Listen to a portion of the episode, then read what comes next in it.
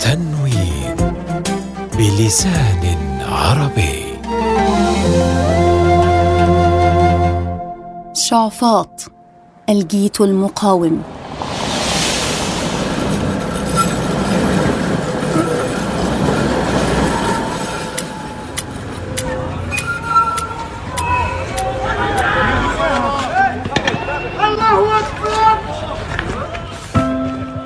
فجر الأربعاء الثاني من يوليو عام 2014 فمع إقلاع أول قطار أو ترام عند الساعة الخامسة والنصف فجراً بعد ساعة فقط من الإعلان عن اختطاف محمد على يد مستوطنين رد أهالي شعفاط بالهجوم على القطار الذي يقطع بلدتهم. فتعطل عن العمل 12 يوما متواصلا حرم فيها المستوطنون من التنقل به.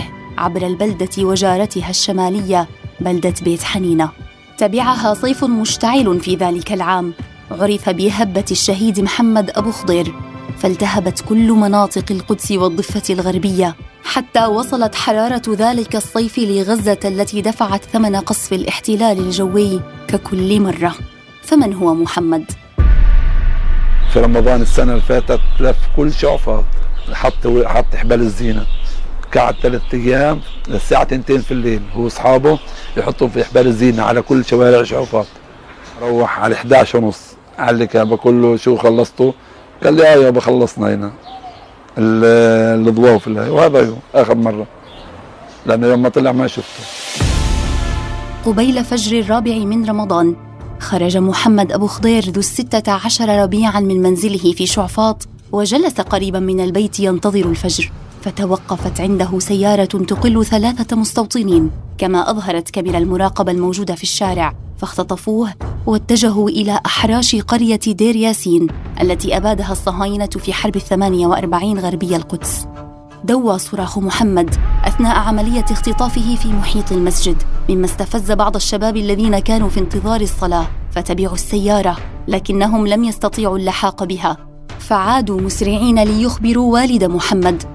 فاتصل بدوره بشرطة الاحتلال التي لم تستجب سريعا لندائه.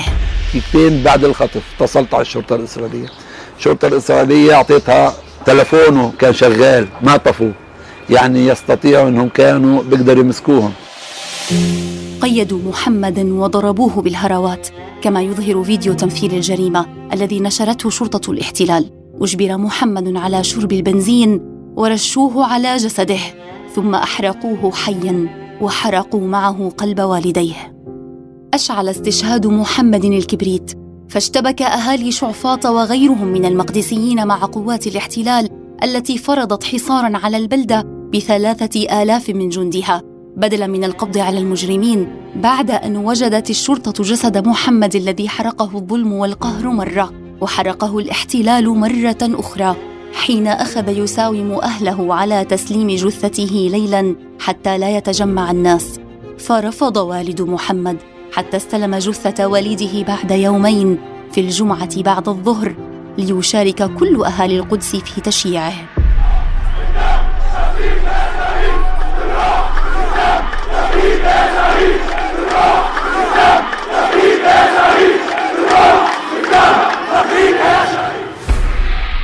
يروي والد محمد أن شرطة الاحتلال كانت تحاول إخفاء آثار الجريمة بإخفاء شريط الكاميرا الذي سجل الخطف. ربنا قال لي في هاي اللحظة معي التلفون صور المقطع. صورت المقطع وهذا اللي فادنا إحنا لأن إجت الشرطة الإسرائيلية أخذت ال DVR اللي هو هذا ال memory الذاكرة تبعت الكاميرات أخذتها معها وأخذت تبعت الجيران وتبعت الجامع. أخذوها معها وبعد أسبوع رجعوهم محروكات ولكنه سربها لاحقا للإعلام فاضطر الاحتلال لإلقاء القبض على القتلة الثلاثة من المستوطنين الذين وصفهم بالمتشددين وأخذ يماطل في إصدار الحكم ضدهم فعقدت 38 جلسة حتى حكم عليهم بأحكام متفاوتة لا تكافئ جريمتهم بالطبع. كل ما رحنا محكمة بنعيش المأساة مأساة محمد. تشوف القاتل قدامك قاتل ابنك ثلاثة قاتلين ابنك الحارقينه وبيقعدوا يحكوا بالتفاصيل كيف حرقوا ننحرق 100 مرة وإحنا قاعدين يعني حركوا محمد مرة إحنا كل يوم ننحرق أنا وأمي كل يوم ننحرق لكن لأنه يهودي مدلل ابن القاضي لما القاضي غريمك لمين تشكي؟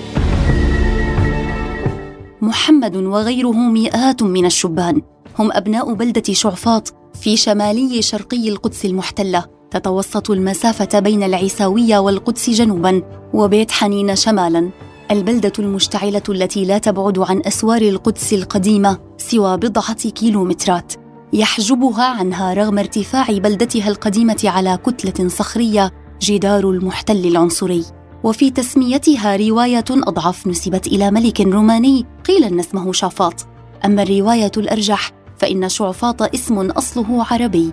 وهو جمع لكلمة شعفة التي تعني رأس الجبل أو ما ارتفع من الأرض وجمعها شعفات كما وردت في السجلات العثمانية ثم أصبحت شعفاط يقال أن البدايات البشرية في البلدة تعود إلى العهد البيزنطي قبيل الفتح الإسلامي كما دلت آثار مصاطب قصور مزخرفة بيزنطية كما مرت فيها السكة الحديدية العثمانية إلى الحجاز.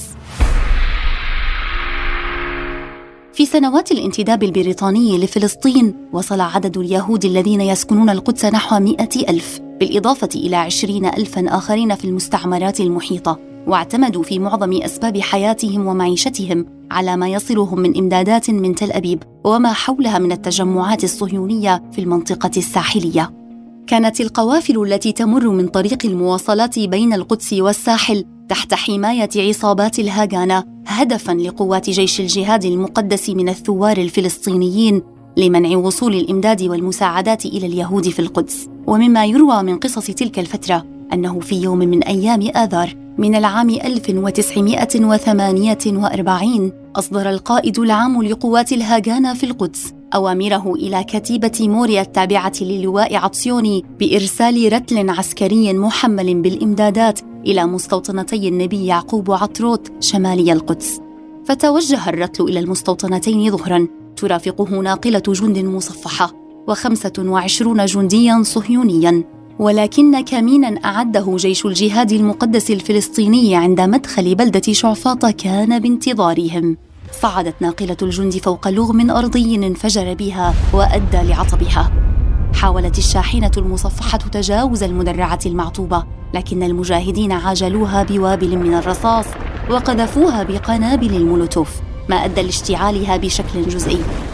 كان الجنود في ناقلة الجند المحاصرة يراقبون ما يحدث ويشاهدون كيف يتساقط رفاقهم قتلى أثناء محاولتهم فتح أبواب الشاحنة من أجل الفرار. وصلت أنباء الكمين إلى قائد الهاغانا فأصدر أمرا بقصف شعفاط من جبل المشارف بقذائف الهاون. ولم تجرؤ الهاغانا على إرسال المدد إلى الرتل العسكري المحاصر. وما استطاعت وقتها إلا نسف المسجد الأدهمي الأثري وهدم أربعة بيوت. عاد الأهالي ترميمها بعد ذلك. لكن شعفاط وقعت في عام النكسة. سنة 1967 كسائر مناطق القدس الشرقية تحت قبضة الاحتلال. فأضيفت معاناتهم إلى معاناة جيران البلدة في مخيم شعفاط للاجئين. فما هي إذا حكاية المخيم الوحيد في القدس؟ مخيم شعفاط هو مخيم اللاجئين الوحيد في القدس. أسسته وكالة الغوث لإيواء وتشغيل اللاجئين التابعة للأمم المتحدة الأونروا قرب شعفاط قبل النكسة بسنة أو تزيد لإيواء ثلاثة آلاف وخمسمائة فلسطيني طردوا من حارة الشرف بعد استيطان الصهاينة بها وتسميتها بحارة اليهود داخل البلدة القديمة.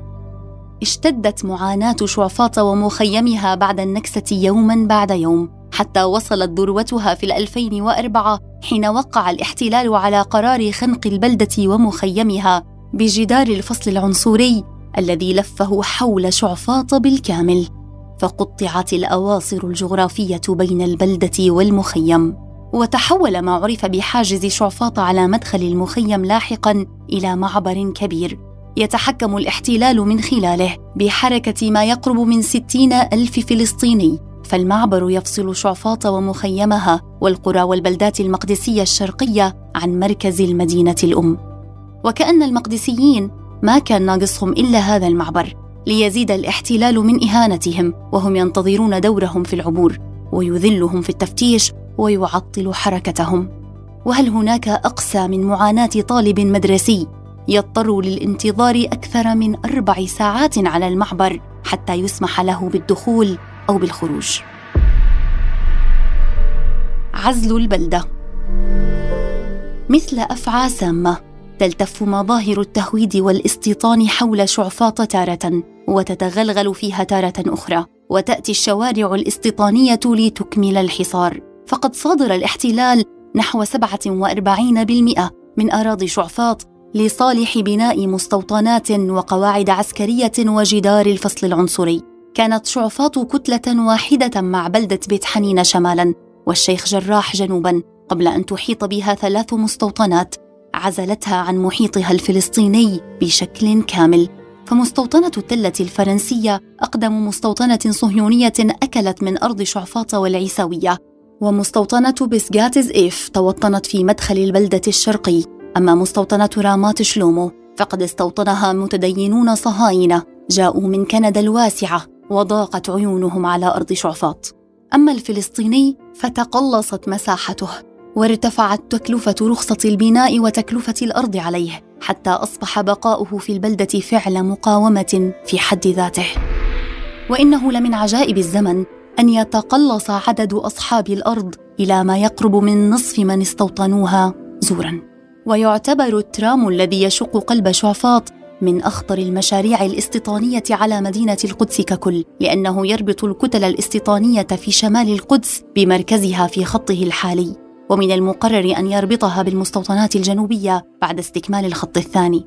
فهو القطار الخفيف الذي سهل حياة الصهاينة في التنقل بين مستوطناتهم والثقيل على أهل شعفاط لأنه يجلب لهم المزيد من المستوطنين الخطيرين إلى البلدة ومحيطها. ولذلك يغير عليه شبان البلدة الصغار برشق الحجارة عند مروره في بلدتهم من وقت لآخر. في مشهد متكرر دفع الاحتلال لتسميته بالانتفاضة الصامتة. يغدو المقدسي الستيني محمود أبو خضير صباح كل يوم من بيته القديم في بلدة شعفاط متجها نحو مسجد علي بن أبي طالب أكبر مساجد البلدة الذي يتولى إمامته منذ شبابه. وارثا ذلك عن أبيه الشيخ فلاح الذي توفي في 2018 عن عمر جاوز المئة عام وهو أقدم مؤذني مدينة القدس.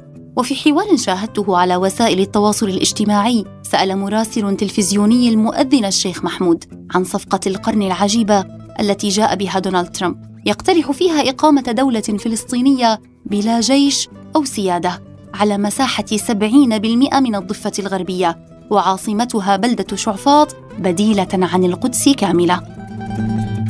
صمت محمود أبو خضير طويلا وهو يحدق في عدسة الكاميرا ولكن عينيه حكتا ما لا يقال باللسان والعين مغرفة القلب. تألمت وأنا أحضر هذه الحلقة وأنا أقرأ كيف حاصر الاستيطان شعفاط وعزلها. وتعجبت كيف أصبح عدد المستوطنين فيها وحولها. أكبر من عدد أهلها الذين يقتلع التهويد جذورهم ويحاصرها. متى عجت شعفاط العربية بالمستوطنين المتطرفين الذين يستبيحون دماء محمد وشبان البلدة؟ ولكن صوت الشيخ فلاح أبو خضير أقدم مؤذن في القدس وهو يؤذن في فراش مرضه. ذكرني بأنه وبرغم ما سبق فإن الأذان الذي بقي يصدح مئة عام بحنجرة الشيخ فلاح وابنه محمود سيظل مئة عام أخرى وأكثر رغم أنف المحتل. الله أكبر الله أكبر. أشهد أن لا إله إلا الله.